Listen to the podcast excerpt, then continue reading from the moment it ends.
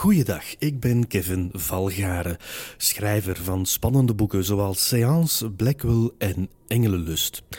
Ook ik wil graag mijn steentje bijdragen in deze moeilijke tijden waarin mensen zich noodgedwongen van elkaar moeten distancieren en de verveling soms genadeloos toeslaat. Daarom heb ik samen met uitgeverij Lano besloten om dagelijks een hoofdstuk voor te lezen uit Seance, een bovennatuurlijke thriller die in 2016 verscheen. Vandaag lees ik hoofdstuk 22 voor, het voorlaatste hoofdstuk van Seance.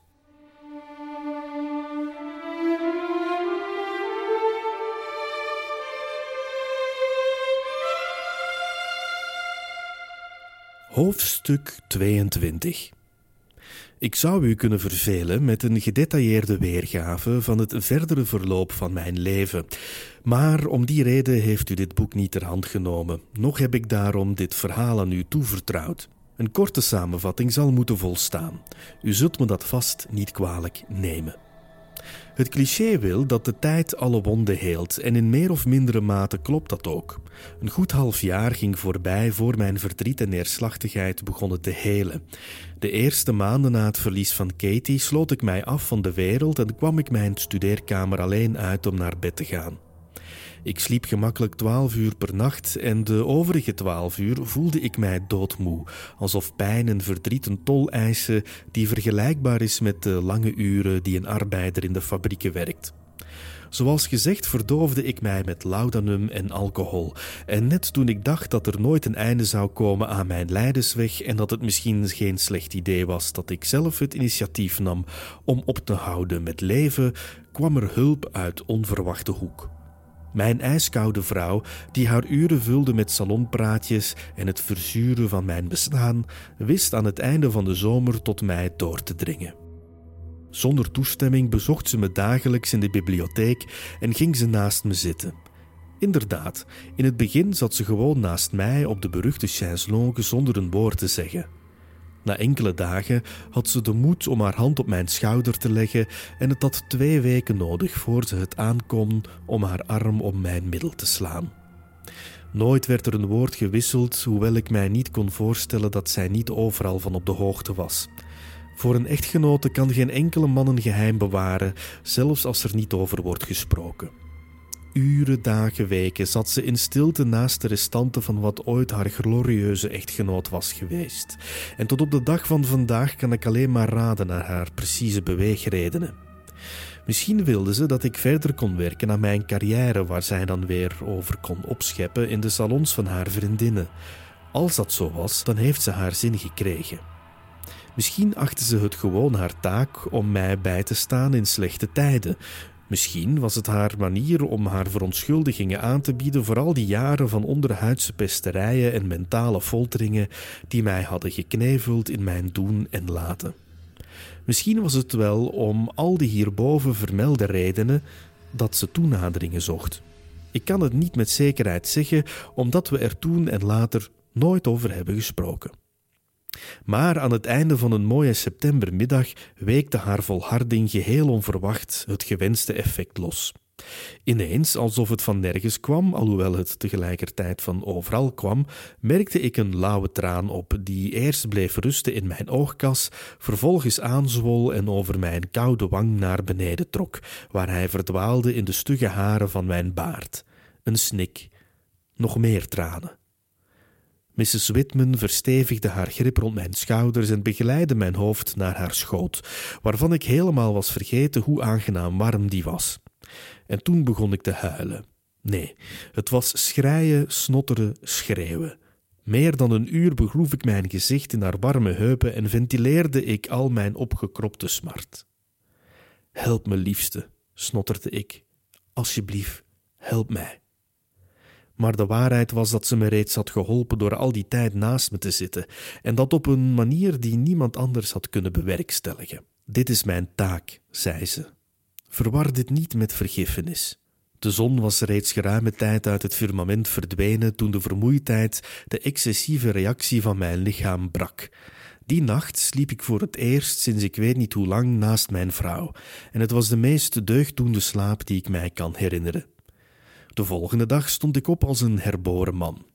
Nou, nee, dat is niet juist. Ik stond op als een man wiens genezingsproces na een lange ziekte eindelijk kon aanvangen.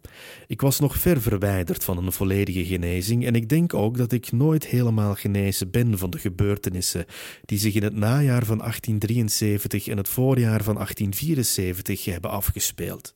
De tijd heelt alle wonden, zegt men, maar wonden laten littekens na. Broze repen menselijk vlees die door een gebrek aan zenuwen enige vorm van gevoeligheid missen, maar niet te min opengesneden kunnen worden met alle gevolgen van dien. Maar het ging beter met mij, zoveel mag ondertussen duidelijk zijn. Katie zat nog diep in mijn hart en is daar uiteindelijk nooit weggegaan, maar stap voor stap leerde ik leven met dat litteken, dankzij de hulp van mijn vrouw. In de tweede helft van september 1874 waagde ik mij voor het eerst weer buitenshuis. Hoewel ik de laudanum niet had afgezworen, was ik er wel in geslaagd om de dosis drastisch te verminderen. Drie druppels voor de enkele keer dat ik mijn angsten onder mijn huid voelde kronkelen. De fles brandewijn raakte ik nog nauwelijks aan, en ook de pijp nuttigde ik slechts drie tot vier maal per dag. Ja, het ging beter met me en langzaam werd ik weer de Francis Whitman die u op de vorige pagina's heeft leren kennen. Ik waagde mij opnieuw aan lange deugddoende en verhelderende wandelingen door de stad, ook toen de eerste herfstbuien zich aandienden. Wanneer de koude regendroppels op mijn huid tokkelden, was het alsof de natuur me eraan hielp herinneren dat ik nog bestond en dat ik nog leefde. Soms spendeerde ik uren op een bank in Hyde Park. Soms bezocht ik de diergaarden in Regent's Park. Soms wandelde ik gewoon doelloos rond, tot de wijzers op mijn zakuurwerk adviseerden dat het tijd was om naar huis te gaan, indien ik het diner niet wilde missen. Het gebeurde van tijd tot tijd dat ik door Baker Street liep als ik onderweg was naar Regent's Park. Eerst stond ik daar niet echt bij stil, maar na een poos realiseerde ik me dat mijn onderbewustzijn me gericht naar die straat stuurde. Te meer omdat er genoeg andere wegen waren die naar het park leidden. Maar Baker Street was dus de straat waar ik af en toe doorheen kuierde, en telkens als ik het appartement van wijle Mr. Volkman passeerde, wierp ik een blik op het voetpad waar ik in het begin van dat jaar semi-bewusteloos werd geslagen door de Duitser, die erin geslaagd was om duistere karaktertrekken in mij naar boven te halen die ik voor onbestaand had gehouden. Soms voelde ik de woede en de vernedering dan opnieuw opborrelen. De woede van die keer nadat hij de vleesgeworden engel Katie King als een afvallige hoer had behandeld tijdens de eerste séance. De vernedering die ik had ervaren tijdens de publieke afranseling waarvan hij mij destijds had bediend. Op een kille en regenachtige avond, toen ik onderweg was naar huis, nadat een medewerker van Londen mij op had gewezen dat het al na sluitingstijd was, passeerde ik het appartement van de overledene en hield ik halt toen ik merkte dat de voordeur weer geopend was en er een gezette, slordig geklede vrouw naar buiten kwam, waarvan ik vermoedde dat ze de hospita was. Ze had een houten krat bij zich, waarin zes lege melkflessen zaten. Op elke fles stond een nummer in zwarte verf geschilderd, het ene duidelijker leesbaar dan het andere. De hospita zette de krat brusk neer op de bovenste tree van de natuurstenen trap, waardoor de flessen vervaarlijk tegen het hout rammelden, en met een al even agressieve beweging smeet ze de deur achter zich dicht. Ik herinnerde me nog goed het moment waarop ik languit met een bloedende neus en een gekneusde rib op dat voetpad lag en net voor ik mijn ogen sloot naar diezelfde flessen keek en een idee kreeg. Ik herinner mij ook nog goed de vroege winterochtend toen ik nadat ik redelijk van mijn verwondingen was hersteld, zo onopvallend mogelijk in Baker Street rondliep met een flesje thallium in de binnenzak van mijn overjas, wachtend tot de melkboer zijn kar voor het appartement neerzette en de flessen vulde uit een ijzeren melkbus. Ik zal nooit vergeten hoe ik, nadat de melkboer zijn ronde hervatte, ik naar het appartement sloop, het nummer van Mr. Volkmans kamer opzocht, dat ik met moeite wist te achterhalen van een papiertje dat naast de voordeur hing en waarop in een kinderlijk handschrift de namen van de bewoners geschreven stonden. De spanning die door mijn lichaam joeg toen ik de inhoud van het flesje thallium in de melkfles van Mr. Volkman goot, zal me altijd bijblijven, evenals de snelheid waarmee ik mij na het stellen van die verwerpelijke daad uit de voeten maakte. Het is zonder twijfel de grootste zonde die ik op mijn palmares heb staan. Het is een zonde die geen enkele vergeving kent en die gevoed werd door een blinde haat ten opzichte van het betreffende individu. Een haat die van enige redelijkheid gespeend was door mijn emotionele instabiliteit, door mijn gebrek aan persoonlijke controle en uiteraard door de laudanum en de alcohol. Maar nooit, zelfs niet op het moment dat ik stierf en ook niet nu ik hier vanuit het Rijk der Doden mijn belangrijkste schuldbekentenis voor u neerschrijf, heb ik ooit één moment van berouw gekend voor wat ik toen heb gedaan. Niemand heeft het ooit geweten. Elizabeth niet, Katie niet, niemand. Mr. Harker zal wel zijn vermoedens hebben gehad, maar aangezien ik hem nooit meer heb gezien of gesproken, neem ik aan dat hij zijn verdenking met de tijd heeft gelaten voor wat ze was. Er was immers geen enkel bewijs en geen enkele getuige. Daar had ik die ochtend wel rekening mee gehouden. Ook Mrs. Whitman, die veel meer wist dan wie ook, heeft nooit geweten dat ik een moord op mijn geweten had, en ik kan me niet voorstellen dat ze me in moeilijke tijden had bijgestaan, toen en veel later, als ze kennis had genomen van mijn duistere daad. Dus misschien moet ik mijn uitspraak van daarnet een beetje aanpassen. Een man kan voor zijn echtgenote bijna niets geheim houden, behalve de dingen die hij het liefst ook voor zichzelf verborgen wil houden. Na mijn zenuwinzinking smeet ik mij als een bezetene op mijn echte werk, de scheikunde, en tegen mijn verwachtingen in had ik nog veel meer in die wetenschap te betekenen dan ik aanvankelijk voor mogelijk had gehouden. In 1879 ontwikkelde ik de vacuümbuis, waarmee ik voor de tweede maal de geschiedenisboeken haalde, en die ik later nog gebruikte voor het isoleren van kathodestralen. Mijn werk werd meer dan eens bekroond met eredoctoraten en met het voorzitterschap van de Royal Society. Maar de grootste eer viel me te beurt toen de koningin mij in 1897 tot ridder sloeg. Sir Francis Whitman, daar staat u van te kijken, nietwaar? In de spiegel zag ik mijn lichaam ouder worden. Rimpels en grijze haren doken steeds meer op, tot mijn gelaat verwerd tot gekreukt perkament en mijn baard zo wit was geworden als de sneeuw van een vroege decemberochtend. Maar ik voelde mij niet oud, integendeel. Mijn werk hield mij jong en mijn brein stond zelden stil. Ik zag mijn zonen opgroeien tot intelligente jonge heren die de beste opleiding kregen, net als Juliet, die misschien wel de helderste van allemaal was en een van de eerste vrouwen was die een succesvolle academische carrière opbouwde. De liefde tussen Mrs. Whitman en mij keerde nooit terug. Die was voorgoed verdwenen, lang voordat alles plaatsvond waarover ik u zo uitgebreid heb verteld. Maar na mijn inzinking leerden we elkaar weer accepteren en verwerden we, zoals in vele huwelijken, tot onmisbare levenspartners die samen één geheel vormden.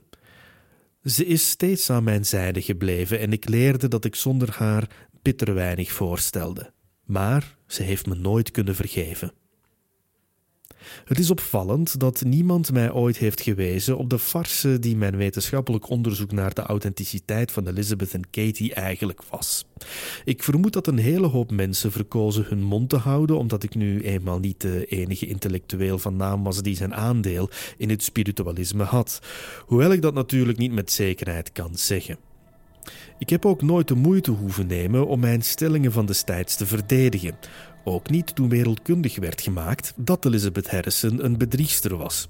Integendeel, toen in 1882 de Society for Psychical Research werd opgericht, nodigde men mij uit om er lid van te worden. Een uitnodiging die ik graag aannam, al was het initieel uit pure nieuwsgierigheid. Ik heb het spiritualisme nooit terug toegekeerd en heb mijn hele leven met interesse de fenomenen geobserveerd die binnen de organisatie de revue passeerden.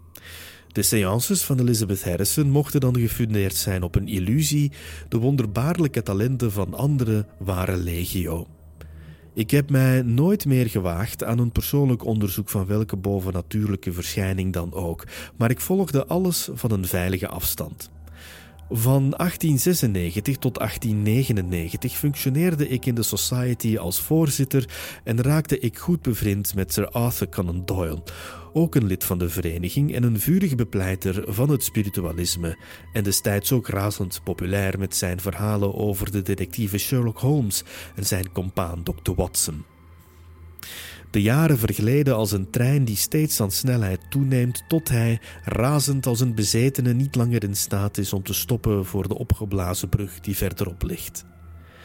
Met een wezenloos gevoel namen we afscheid van de 19e eeuw en met een zwaar gemoed begonnen we aan de 20e. Aan de andere kant van het kanaal brak er een gruwelijke oorlog uit, die ons nationale bewustzijn voor altijd veranderde en waarin veel van mijn jongere landgenoten een nutteloze dood stierven. Op een dag, kort nadat het schijnbaar eindeloze wapengeweld eindelijk was gestopt, realiseerde ik me dat niet alleen mijn lichaam de tekenen van de tantes tijds had moeten verduren, maar dat ook mijn brein niet meer was wat het al die mooie jaren was geweest. Met andere woorden, ik was niet alleen oud geworden, ik voelde me ook oud. En toen werd ik ziek. Dat was het voor vandaag. Morgen lees ik het laatste hoofdstuk voor van Seance. Koester uw gezondheid en geniet van het leven. Voor meer informatie over mijn boeken kan u terecht op www.krvalgaren.com. Bedankt om te luisteren. Dag.